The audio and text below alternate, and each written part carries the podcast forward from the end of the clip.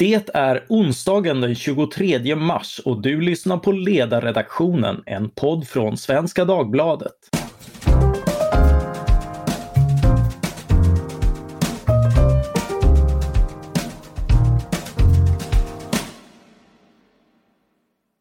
Jag heter Mattias Svensson och dagens ämne är ryskt informationskrig versus europeisk yttrandefrihet. Ja, i början av mars meddelade Europeiska rådet, ett beslutande organ inom EU som samlar stats och regeringschefer till övergripande beslut, att omedelbart avbryta de sändningar som görs i eller som är riktade mot EU från Sputnik och RT, Russia Today, tills angreppet mot Ukraina har upphört och tills Ryska federationen och de mediekanaler som är knutna till den upphör med att bedriva desinformation och informationsmanipulering riktad mot EU och dess medlemsländer. Med mig för att diskutera detta beslut har jag Nils Funke, journalist och författare till ett antal böcker om yttrandefrihet, ofta presenterad som expert på yttrandefrihet. Välkommen! Tack så mycket! Samt Hynek Pallas, filmvetare och kulturskribent och aktuell med boken Grönsakshandlaren, nation, rasism, revolution och rättighetsutmaningar. Välkommen! Tack så mycket! Låt mig börja med dig Nils. Du har beskrivit beslutet som svårförenligt med den grundläggande principen om yttrandefrihet. På vilket sätt och vad innebär det? Ja, den är inte bara svårförenlig utan den går ju strikt eh, rakt emot de grundläggande principer som vi har i, i våra konstitutioner. Och då tänker jag på regeringsformen, eh, yttrandefrihetsgrundlagen eh, och eh, en del andra lagar också, radio och tv-lagen med mera. Eh, och det där inser ju också rådet eh, att det finns en konflikt här. För i det här beslutet så säger man ju uttryckligen att det här innebär inte att enskilda länder inte ska följa sina konstitutionella regler. Eh, så det, det finns liksom en insikt ifrån rådet och så presenterar ju också vår EU-minister Dahlgren Eh, det, här beslutet att eh, Sverige accepterade rådets beslut med hänvisning just till att man gör då undantag för konstitutionella regler på yttrandefrihetens område. Och det där är ju inte alls ovanligt när det gäller eh, förordningar och direktiv på EU-nivå att Sverige då har fått in sådana skrivningar att okej, okay, fatta det här beslutet men låt oss hålla fast vid de grundläggande principer som, eh, eh, som vi har här. Och sen eh, Sen är det ju problematiskt det här beslutet för om man kan säga att om sanningen är krigets första offer så är ju desinformationen dess förtrupp. Och det här är ju inget nytt att ryska statsmedier och för den delen andra medier också bedriver en informationsverksamhet, propaganda, desinformation lögner etc. Utan det, det där är ju inget nypåkommet inte utan det är ju nu då att man tycker att det finns en exceptionell situation i och med, eh, i och med eh, invasionen i Ukraina. Men upphör eh, ockupationen, anfallskriget, ja då ska de här kanalerna få fritt utlopp igen då. Det är liksom ingen principfasthet eh, i det här. Va? Och där har ju kulturministern slirat runt men vi får väl anledning att återkomma till hennes olika uttalanden gissar jag. Mm. Spelar det någon roll, tycker du, vilken typ av avsändare RT och Sputnik är? Att, det, att de är den ryska statens propagandaorgan eller att de återkommande spridit felaktiga uppgifter, ofta i uppviglande syften? Nej, och det kan man ju gå tillbaka och titta på en annan förordning, den här om nätneutralitet. Och där finns ju uttryckligen, jag ska inte läsa några långa haranger ur den där, men Eh, där står det ju bland annat i punkt 8 då att leverantörer av tjänster när det gäller just eh, internettrafik och sändningar och så, ska all trafik behandlas lika utan diskriminering, begränsningar eller störningar oberoende av dess eh, sändare, mottagare, innehåll, applikationer, tjänst och terminalutrustning. Så EU har ju då i en annan förordning sagt att sådana som handhar trafik på nätet, internetoperatörer som Bahnhof och Telia etc. De ska liksom eh, ge tusan i innehållet. Det är inte deras sak att och så att säga beivra eller ta bort yttranden som då är brottsliga utan där har vi ju våra, våra begränsningar av yttrandefriheten idag. Det är ju en, en kriminell gärning att begå hets emot folkgrupp, uppvigling, eh, Eh, och you name it, vi har ju en hel radda. Och då, då är det liksom det regelverket som ska tillämpas även, eller rättare sagt oavsett om det är NMR, Moderata samlingspartiet, Miljöpartiet eller några tokiga veganer eller eh, statsmedier. Det är de reglerna som vi ska tillämpa och där har vi ju liksom riksdagen som sätter gränserna för yttrandefriheten och så har vi ett rättsväsende som då ska beivra överträdelser av de här regelverken. Om jag går över till dig Hynek, du har försökt föra in erfarenheten från exempelvis Tjeckien och Ungern av ryska medier. Kan, kan du börja med att ge en bild av hur denna påverkan ser ut och vad den har haft för effekter?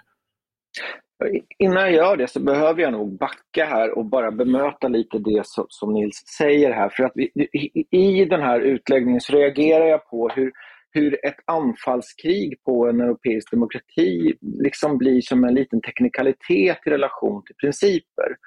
Vi befinner oss ju i ett väldigt stort undantagstillstånd. Eh, om vi bara isolerar frågan till om NMR sprider hets mot folkgrupp. I samma stund som NMR skulle bara en främmande stat som attackerar ett annat land så skulle vi behöva förhålla oss lite annorlunda till den här principen. Vi, har, vi befinner oss förmodligen i vad vi måste kalla för ett undantagstillstånd. Jag vill ändå börja mitt svar där. För att det, det påverkar också vad, vad, när vi talar om vad tidigare, som Nils säger, det här, det här med rysk desinformation är inget nytt. Och Det är också bakgrunden till min reaktion. Det är att jag har då för de lyssnare som inte känner till det så har jag väl i alla fall i snart tio års tid skrivit böcker med fokus på Centraleuropa. Och eh, jag har själv rötter i Tjeckien, där jag också bor. Och jag pratar språket. Ehm, det har gett mig en rätt unik situation i att förstå två olika europeiska länder i centrala frågor. Och en av de frågorna har varit flyktingfrågan. Den så kallade flyktingkrisen bevakade jag väldigt eh, nära, speciellt i hur den behandlades i medierna. Och det som, det som då skedde, om vi isolerar det till åren 2000, från 2015 ungefär, det var att förutom det som då hette Russia Today och Sputnik så fanns det lite svårberäknat, men kanske omkring 40 olika sajter med mer eller mindre tydlig finansiering från, från Kreml, alltså rysk, rysk finansiering, som var propagandakanaler de hade de åren migrationsfrågan i fokus och jag behåller den fokusen här för att Sverige också var, vad ska man kalla det för, slagträ i det här. Eh, I Sverige så, så togs det här upp. Det som blev den bestående frågan i Sverige blev tyvärr huruvida det solkade vår Sverigebild. Men, men Sverige som, och här, det här begreppet är på riktigt, ett socialistiskt multikulturhaveri var ett slagträ för att påverka politiken i Centraleuropa. Vilket jag tror man inte riktigt är medveten om i Sverige i hur stor utsträckning det lyckades. Men det är i stort sett tack vare den här intensiva propagandan som påverkades, och det här är enligt tjeckiska säkerhetstjänsten, alltså opinionen, den politiska, ekonomiska och mediala eliten så pass mycket att vi fick ett skifte. Alltså, det var inte som att det här var de flyktingvänligaste länderna i Europa redan som det var, men det, det, det försköt dem i väldigt, det spreds väldigt stor rasism i samhällena.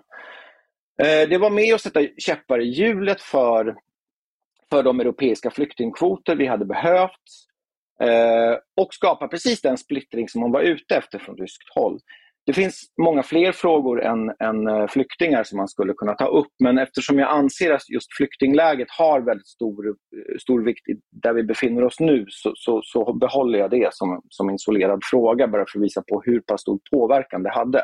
Så argumentet mot de här kanalerna är då att, att de har haft en påverkan på eh, europeiska länders opinion?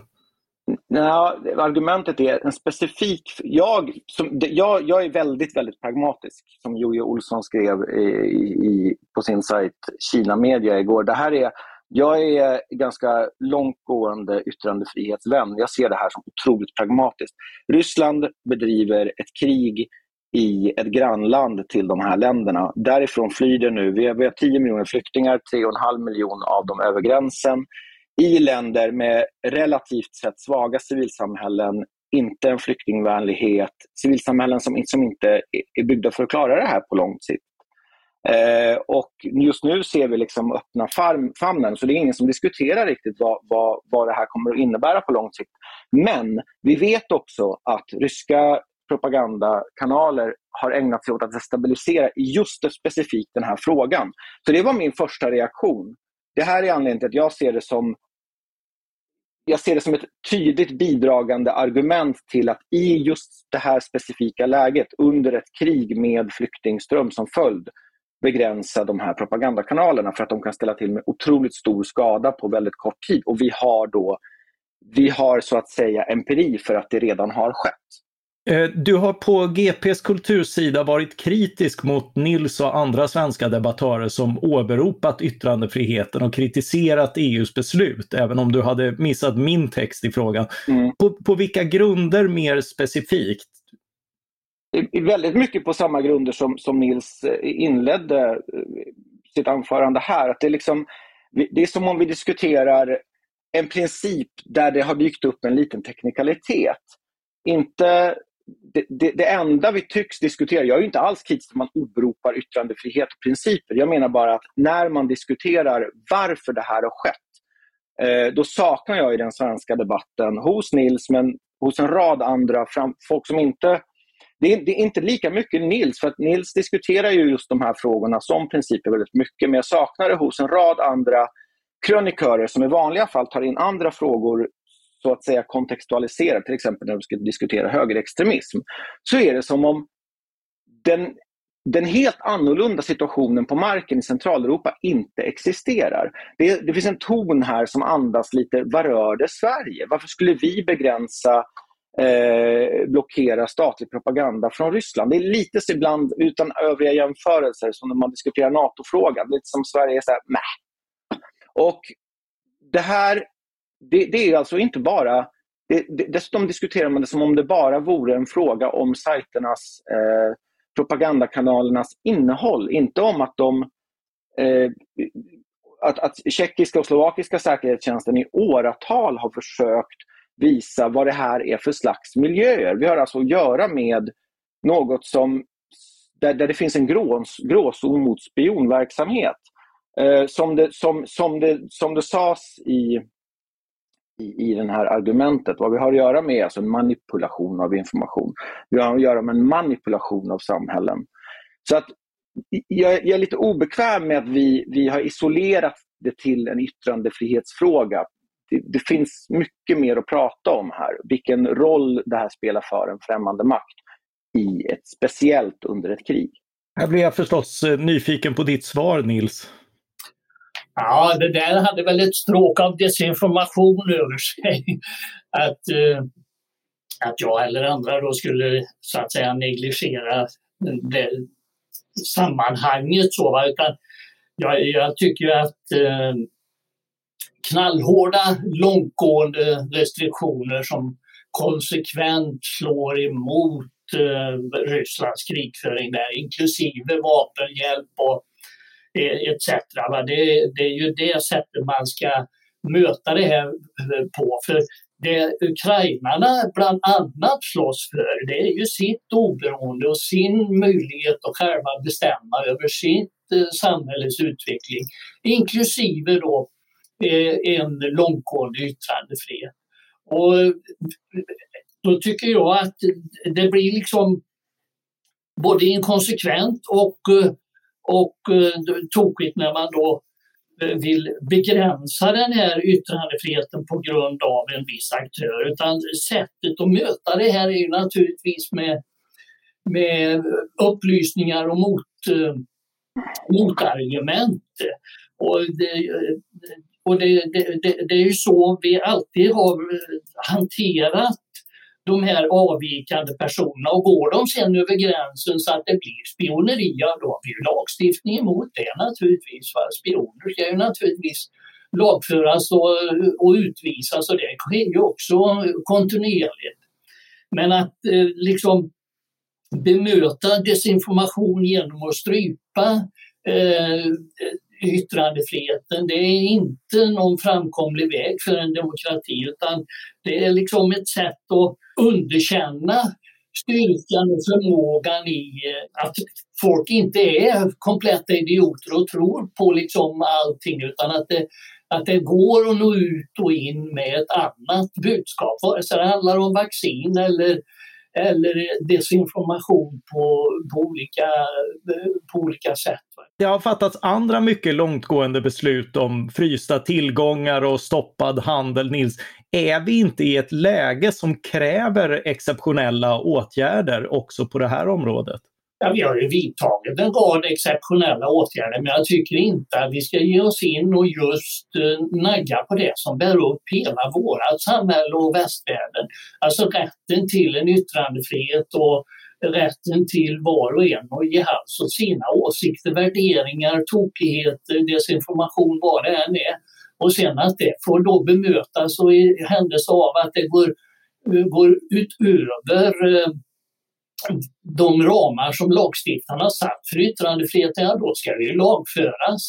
Och där har vi ju ett dussintal bestämmelser i, i den svenska lagstiftningen som eh, slår till om det då handlar om, eh, om utländska makter som försöker eh, destabilisera Sverige. Då, då är det ju de yttrandena som kommer att kunna beivras och även finns ju möjligheter att och också efter eh, en rättslig prövning stoppa eh, utgivningen av eh, skrifter och annat. Men det här tror jag liksom bara slår tillbaka på oss själva och inte gagnar saken i stort. Att vi då skulle strypa RT och de här Sputnik. Utan, jag, jag, jag, kan inte se att, att vi ska vidta och föra våld på våra egna grundläggande principer för att då hänvisa till extraordinär situation. Det är ju i de extraordinära situationerna som, som våra grundläggande principer prövas, hur hållfasta de är. Och... Ja, jag tänkte precis komma med den frågan till eh, dig Hynek och eh, du hade även en del övrigt du ville invända emot. Ja, alltså jag vet inte var jag ska börja. Förlåt, för det första så vägrar jag använda ukrainarna som ett slagträ. Ukrainarnas kamp för att få, vara, få, få sin yttrandefrihet kan naturligtvis inte ställas mot det här. Alltså, återigen, vi befinner oss i ett läge där Ryssland bedriver ett anfallskrig. Vi inför en rad sanktioner för att visa, bland annat för att visa på hur pass allvarlig den här situationen är. Att i det läget införa, att även också göra det, inte bara materiellt, utan att faktiskt säga nej men vi måste blockera propagandan från Ryssland har en rad, det finns en värderingsfråga i det och säga att det här är extraordinärt. Extraordinärt betyder att det är ett avsteg även från våra principer. Det här kan inte tolereras. I det här läget, men också långsiktigt, kommer det vara en signal till ryska folket. Precis som vi under decennier, som det tog för tyska folket att behandla Tysklands angreppskrig och hur allvarligt det sågs på av omvärlden. Det här är saker, det behövs extraordinära åtgärder. Till dem hör att vi blockerar er stat, statspropaganda. Det, det är liksom, jag ser det som en del av sanktionerna vi har nu. Om jag inte var helt tvetydig för det här förut så börjar jag bli det nu. För här kommer de andra två sakerna jag har på hjärtat i det här läget. Det är dels det här antagandet om att vi kan bemöta. Jag har alltså ägnat mig åt flyktingfrågan om vi återigen håller oss till den ganska länge. Och jag kan säga är att hur mycket vi än har försökt bemöta den, vi har riktigt bra journalistik på det området i Sverige, så har vi inte lyckats stävja eh, särskilt mycket av den propaganda vi har och de lögner vi har på det området, bara från våra små alternativa medier, om vi ska kalla dem för det. Eh, för det andra så vill jag inte jämföra rysk statlig propaganda ens med alternativa medier som spyr ut lite rasistiskt hat. För det tredje, påståendet att det här kanske påverkar några få, eller hur man ska uttrycka det. Alltså, jag, jag, jag tycks, det tycks inte riktigt vara klart för, för, för Nils hur pass utbredd propagandan är i Centraleuropa, i de här länderna som jag, jag, jag envisas med att återkomma till för att de just nu är grannländer till det krig som förs och det är dit flyktingarna kommer och därför ser jag dem som centrala för diskussionen. Men flyktingfrågan är ju central för hela Europa. Hela Europa hänger ihop i det här. Och de här samhällena där de här, den här propagandan har mycket större spridning än vi tycks förstå i Sverige. Jag, jag, jag, det, det, ibland när man debatterar i Sverige så är det som ja, men några få tror på det här eller vi kan bemöta det här. Nej, vi är inte speciellt lämpade att bemöta det. Vi är definitivt inte lämpade på att förstå hur det ser ut i Centraleuropa i de här frågorna. Det, och det blir mer och mer uppenbart, tyvärr. Du har varit kritisk som sagt till eh, svenska kritiker. Alltså om, om vi går till det här beslutet, eh, vad, vad i detta stödjer du? Är det rätt att fatta ett sådant beslut på europeisk nivå?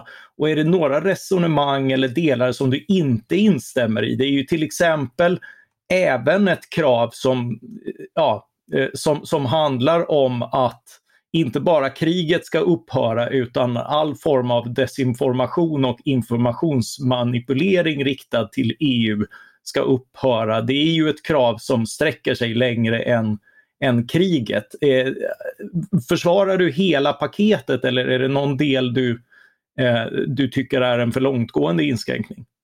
Alltså jag, jag har inte, jag, jag var, du, du har ju, som du själv har noterat, så i mina texter så ställer jag inte mig på entydigt att det, att, det, att det är självklart att blockera. Jag menar, och när jag började driva de här, när jag skrev de här texterna så var det mer för att jag saknade, eh, och jag saknar väldigt mycket, en förståelse att det finns andra argument än att bara säga princip och yttrandefrihet. Hur det ser ut att befinna sig i ett krig och hur det kan påverka de här länderna omkring.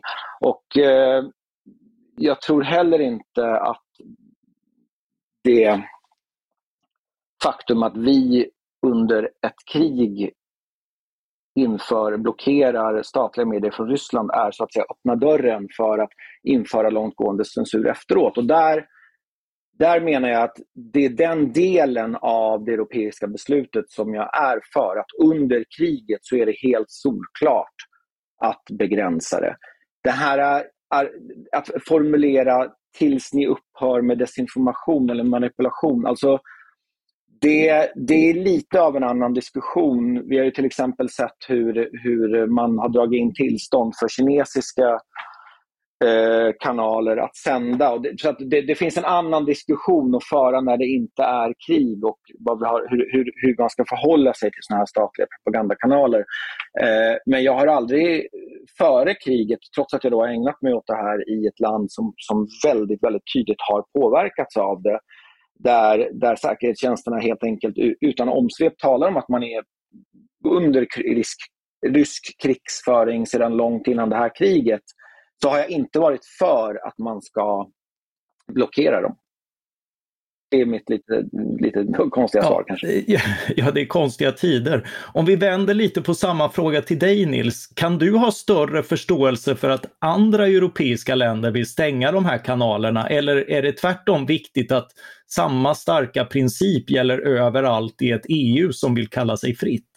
Jag tycker att det ska vara upp till varje nation eh, att bestämma hur man vill eh, reglera både internettrafik eh, eh överhuvudtaget och i synnerhet i, i, i den här situationen.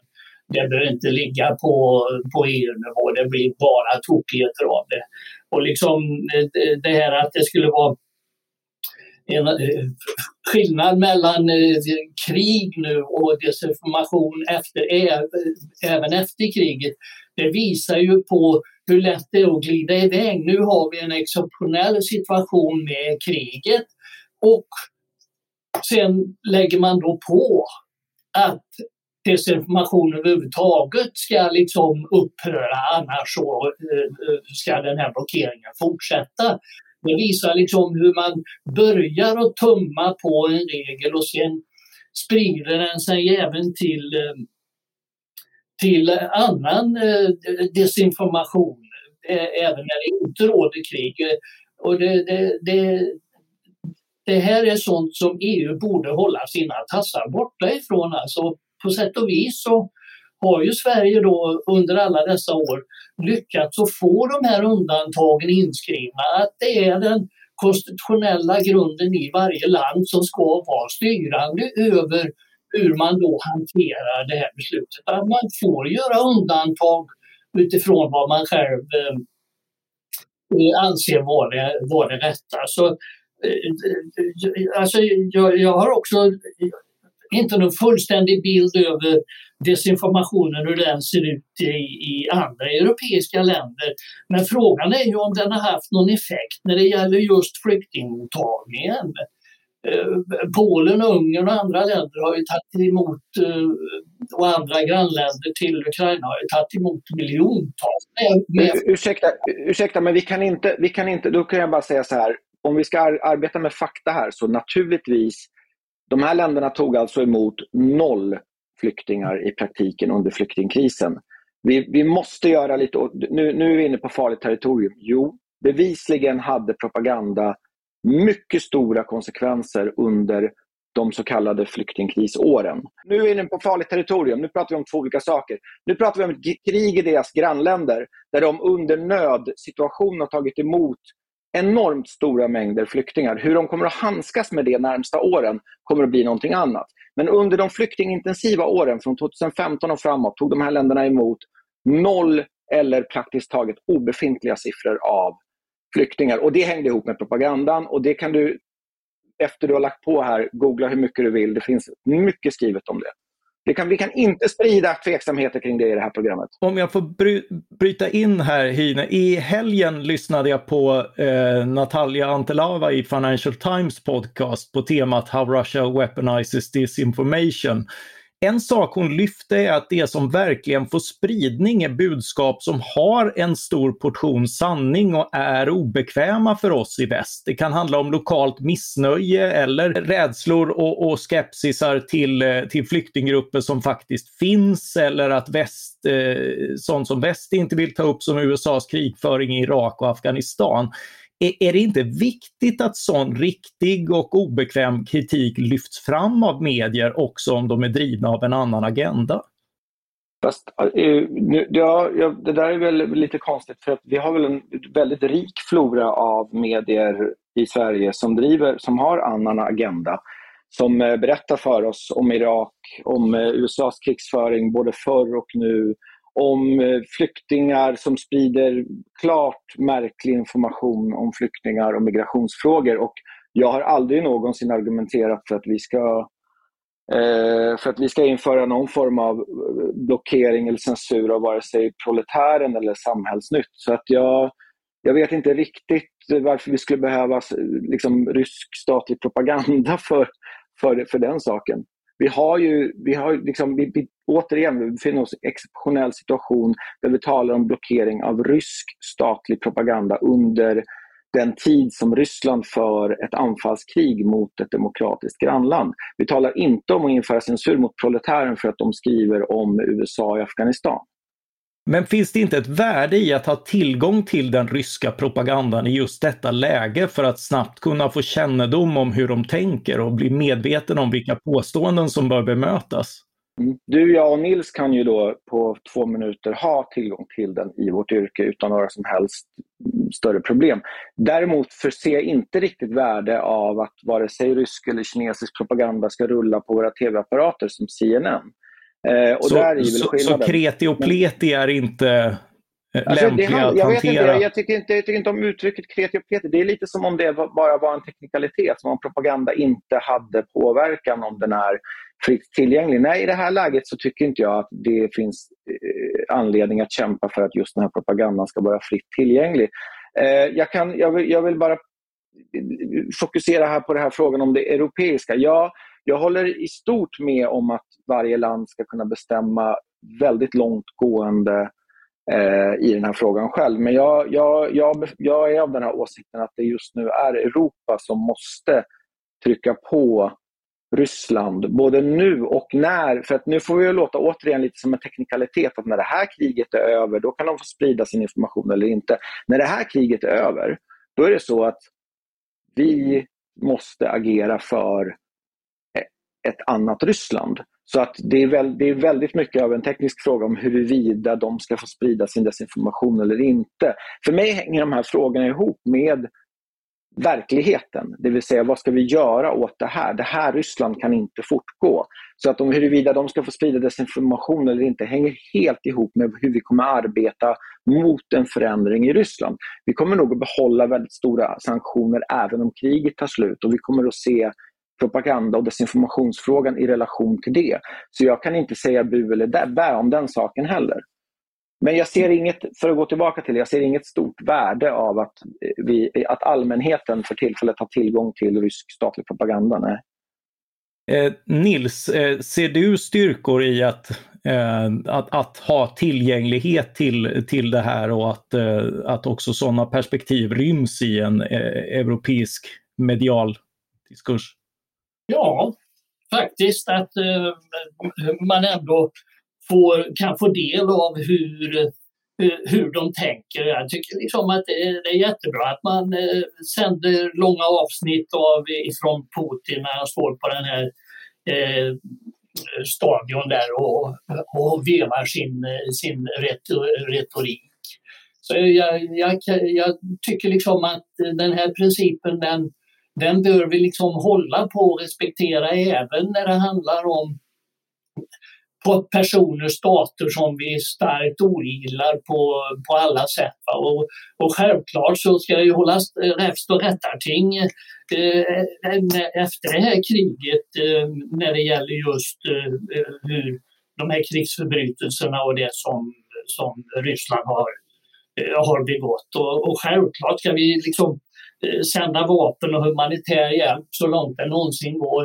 Eh, men däremot så tycker jag faktiskt att vi ska låta liksom det som bär upp hela vårt samhälle och det är just den här vida tillåtande yttrandefriheten med de ramar som finns. Och, och det, där har vi ju bestämmelser bland annat i både brottsbalken och tryckfrihetsförordningen som då blir tillämpliga i händelse av, eh, av ett eh, krig. Men grundlagarna, rätten och utan inblandning från det allmänna i förväg och sprida information den måste liksom vara, eh, vara intakt. Det, det är en av, av hörnpelarna som vi har. Va? Och sen när det gäller just den här effekten just nu då av, av den där desinformationen när det gäller flyktingströmmen så, så har den ju uppenbarligen inte haft någon eh, verkan. Ungern och de andra länderna har ju inte skickat tillbaka ukrainare till, eh, till Ukraina utan de har ju faktiskt ändå, ändå tagit emot dem. Och, eh, så just i den här situationen har ju den här desinformationen då inte haft någon, någon demoraliserande effekt eh, som gör att vi skulle att eh, européer skulle vända sig emot eh, flyktingarna på olika sätt. Så det, frågan är hur man hanterar det på sikt klart att det är fullständigt ohållbart att eh, ett par miljoner flyktingar i, i, i, Polen ska vara kvar år efter år. Ambitionen är naturligtvis att hjälpa dem att komma tillbaka till sitt hemland det, det, som de då också vill. Va? Men nu, nu får de ändå Eh, ett skydd där trots eh, den ryska desinformationen. Och... Nu vill jag ju påpeka att den ryska desinformationen i de här länderna har väldigt långt kapats från hur det var för ett par veckor sedan. Men det sprids gott om propaganda kan jag berätta. Vi har inte riktigt hunnit ikapp i Sverige. Tyvärr så bevakar våra medier den situationen ganska dåligt. Eh... Jag tänkte avsluta eh, med eh, en, en, blick framåt eh, och, och, hålla mig till yttrande. För hur, eh, migrationen är väldigt intressant och eh, där, där är väl lite grann, det, det är möjligt att problemen kommer väl inte nu. Det är väl, det är väl ingen som direkt tror det därför att nu finns en väldigt stor beredskap men det fanns det också i Turkiet när, när syriska flyktingar vällde in över gränsen. Motreaktionen kom, kom flera år senare när, när situationen drog ut på tiden och det blev, blev ekonomiskt kännbart. Men det talar ju i så fall om, om de här propagandakanalerna är en, en faktor så talar ju det för att vi ska förbjuda dem då, inte nu, Hynek. Nej, jag menar ju att med, på sikt så hinner ju ändå... Det, kan, det här kan man diskutera. Alltså jag, jag, vill ju, jag, jag vill tro att de här civilsamhällena Alltså att man, man kommer att komma med eh, lång, mer långsiktiga lösningar också med hjälp av europeiska grannländer. Jag till exempel eh, ser ju gärna att man eh, väldigt snabbt lättar på trycket för framförallt Polen som har tagit emot flest, eller små länder som Moldavien. Men vi kanske inte ska spinna iväg i den här frågan. Men eh, jag kan säga något som hänger ihop med den och som eh, 2017 så bemötte jag en eh, svensk-tjeckisk författare som hade spritt propaganda i tjeckiska medier som hängde väldigt mycket ihop med då den, den, den ryska propaganda som fanns. Och, eh, när jag gjorde det i debatten som var efteråt, både öppet i debatten och, och eh, i yrket privat, så, så menade jag att eh, svenska redaktioner som, och tjeckiska borde börja samarbeta. De borde börja hitta sätt att samarbeta för det var uppenbart att det fanns en jättestor klyfta mellan de här europeiska regionerna och att det vi såg i möjligheten att skapa splittring i en så här viktig fråga, det, det, kunde inte få ske igen utan vi måste arbeta upp en förståelse för varandra, en kunskap som inte bara kunde hänga på några få flerspråkiga personer heller.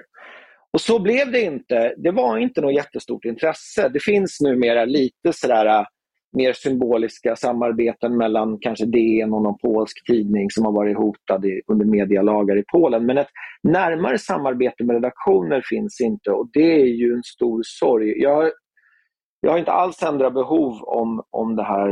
Eh, jag har inte alls ändrat ståndpunkt om det här behovet framåt, tvärtom. För att om det är något som jag ser som eh, grundläggande för att stärka yttrandefriheten, alltså inte bara som ord, en princip, utan det är ju ett idogt arbete och i det så kan vi inte bara se den som en liksom, eh, som, som, som talar om den som en nationellt isolerad princip utan den, den hänger tydligt ihop med europeisk förståelse för varandra och för de situationer vi är i. Det, det, är väldigt kloka ord, men förutsätter inte det, förutsätter inte möjligheten att kunna dra den typen av paralleller mellan olika avsändares lika budskap, att vi har kännedom om dem? Jag förstår fortfarande inte problemet. Jag har inga problem att precis som alla andra journalister i Europa, vi har inga problem att ta del av rysk propaganda. Att liksom i, precis som forskare har tillgång till, till arkiv som andra personer inte har tillgång till, som är känsligt material. Det är ju inget konstigt. Vi har tillgång till det här. Jag förstår inte varför det upprepas om och om i debatten att folk nödvändigtvis skulle behöva ha ryska statliga propagandakanaler rullande i sina vardagsrum. Vi som jobbar med det här har tillgång till det. Under väldigt känsliga perioder behöver inte alla ha tillgång till det. Det finns mm. god anledning att inte ha det. Medan vi som jobbar med det, vi kan ta tillgång till det, vi kan samarbeta med varandra. Eh, men i Sverige har vi alltså inte ens tillgång till våra demokratiska EU-grannars eh, nyheter ja. för att vi, vi helt enkelt inte har samarbetat tillräckligt bra. Så jag, jag, ja. jag ser hellre att vi vänder oss mot det. Ja, eh, om vi avslutar med en blick framåt. Jag tänkte fråga dig Hinek, räcker den här åtgärden för att hindra Rysslands informationskrig och är det annars ytterligare restriktioner som krävs? Du har snarare varit inne på andra lösningar. Ja, nej det är ju det. Jag ser ju helst de här lösningarna. Jag hade ju gärna sett dem för länge sedan. Hade vi, eh, de kommer ju de här lösningarna som handlar om att vi ska förstå varandra bättre, de är grundläggande för framtiden oavsett vad. Det här eh, blockeringen av rysk statlig propaganda, det är något som sker i det här läget. Däremot så tror jag att vi framåt kommer nog att bli mindre toleranta på gott och ont. Det, det är inte så att det här, vi, vi är i en fruktansvärd situation. Den för inte gott med sig. Det här är en situation där vi kommer att bli mindre intoleranta. Vi, det finns principer som, som jag älskar men som vi kommer att göra avsteg ifrån. Det gäller nog inte bara Ryssland utan det finns ett läge där Kina invaderar Taiwan där vi plötsligt kommer att vi kommer behöva ägna oss åt sanktioner som kommer att påverka oss, vilket vi nu börjar se på helt andra håll, materiella håll. Det, det är ju så, vi befinner oss i en ny situation, den allvarligaste Europa och världen har varit i sedan andra världskriget. Så att, eh, vi, vi kommer tyvärr, tror jag, att se kanske inte mer långtgående inskränkningar, men andra former av inskränkningar, så kommer det nog dessvärre att bli. Jag tänkte skicka frågan till dig Nilsson avslutande. Befarar du ytterligare inskränkningar i yttrandefriheten med anledning av den här konflikten?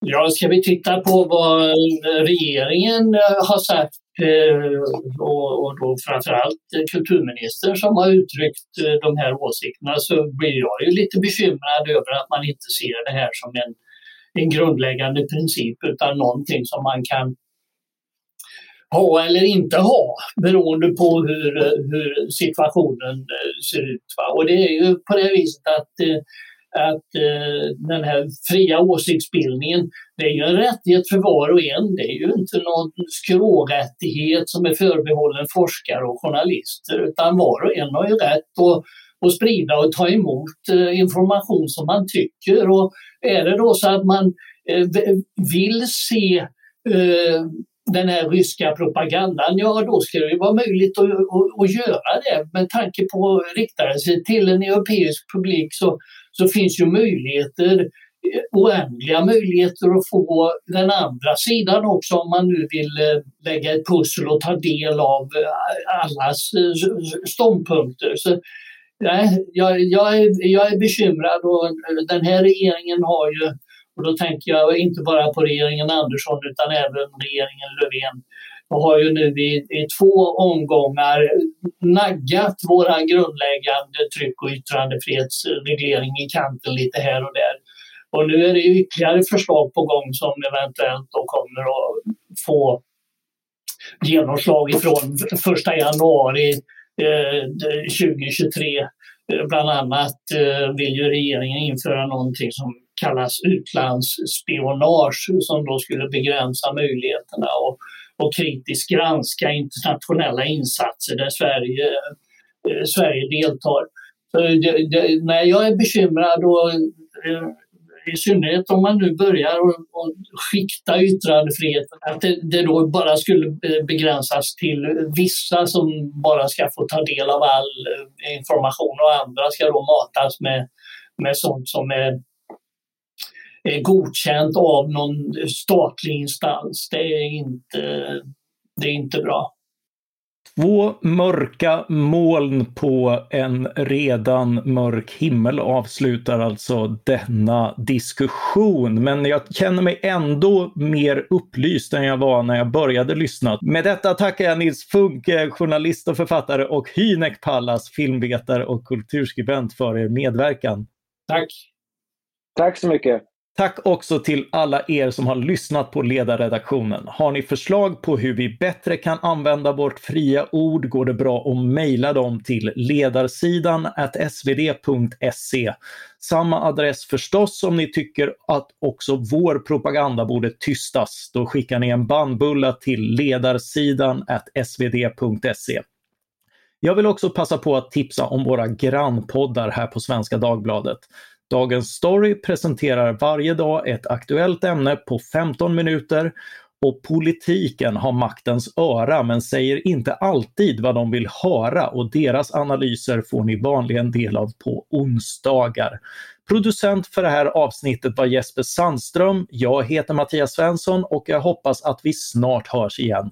Tack för den här gången.